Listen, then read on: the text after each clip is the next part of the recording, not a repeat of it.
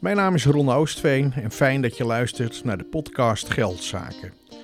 Deze podcast informeert je over alle zaken die met geld te maken hebben. Goede informatie is belangrijk, want geld speelt een grote rol in de maatschappij en dus waarschijnlijk ook in jouw leven. Iedere week wordt er een nieuwe podcast Geldzaken gepubliceerd. Meer informatie kun je ook vinden op de website geldzaken.nu. Ik uh, moet iets bekennen. Ik ben uh, stapelgek op uh, lijstjes, statistieken en overzichten. En misschien ging mijn hart dan ook wel iets sneller kloppen toen Transparency International de CPI presenteerde. CPI staat voor Corruption Perception Index. Deze index geeft de mate van corruptie aan in 180 landen. En nu is corruptie natuurlijk moeilijk te meten, want je kunt niet aan overheden vragen hoe corrupt het land is.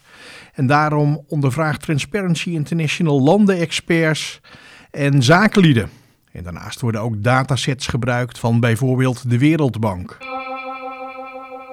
Wat is corruptie eigenlijk?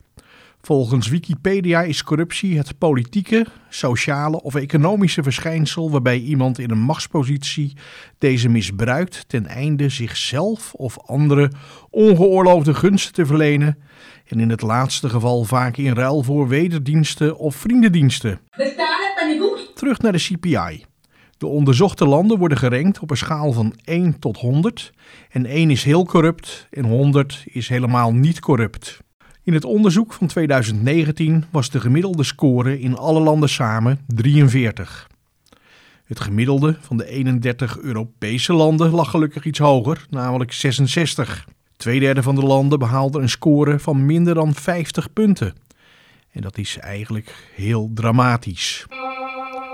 Als je naar Nederland kijkt, dan doen we het met 82 punten best goed. Het is eh, beter dan het gemiddelde van Europa. En in vergelijking met de andere landen in de wereld doen we het gewoon uitstekend. In het overzicht staan we op de achtste plaats van de minst corrupte landen van de wereld. Op de gedeelde eerste plaats staan Denemarken en Nieuw-Zeeland. Beide landen hebben 87 punten. Daarna volgt Finland met 86 punten. Singapore, Zweden en Zwitserland hebben ieder 85 punten gevolgd door Noorwegen met 84 en Nederland dus 82 punten. Nou, tot uh, zover maar weer het, uh, het overzichtje, voordat ik helemaal uh, doordraai. Um, misschien eventjes naar de andere kant van het lijstje. op de laatste plaats van het overzicht staat Somalië, met pijn en moeite slechts 9 punten.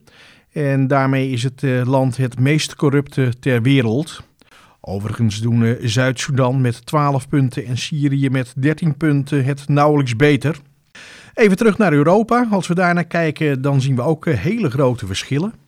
Zoals gezegd doen de Scandinavische landen het erg goed. Maar wat mij opvalt is dat eh, België maar een zeventiende plaats inneemt in het overzicht met maar 75 punten. Frankrijk heeft 69 punten en plaats 23 en doet het dan dus nog slechter dan België. Spanje 62 punten. Polen 58 punten. Italië 53 punten. En de corruptie in Italië is daarmee, in ieder geval volgens het onderzoek, vergelijkbaar met dat van eh, Rwanda, Maleisië en uh, Saoedi-Arabië. En toen ik de resultaten van Italië las, toen moest ik ook even terugdenken aan mijn eigen ervaring van een paar jaar geleden. Ik kreeg toen een boete in een Italiaanse trein. Ik had uh, keurig netjes een kaartje gekocht aan het loket. Maar wat ik niet wist is dat je dat kaartje dan ook nog eens een keertje af moest stempelen in een automaat. Nou, de conducteur die me toen controleerde liet aan mij de keuze. Of een bekeuring van uh, vele tientallen euro's, of ik moest hem een briefje van 10 geven. En dan uh, zou die uh, mijn fout voor deze keer door zijn vingers zien. Ik weet niet wat jullie zouden doen, maar ik heb toen toch maar voor de echte boete gekozen. Tot zover het onderzoek. Als je het leuk vindt om meer te lezen, dan verwijs ik je graag naar de website geldzaken.nu. Daar vind je de link waarmee je het rapport van Transparency International kunt downloaden. Dankjewel voor het luisteren naar deze podcast en tot de volgende keer.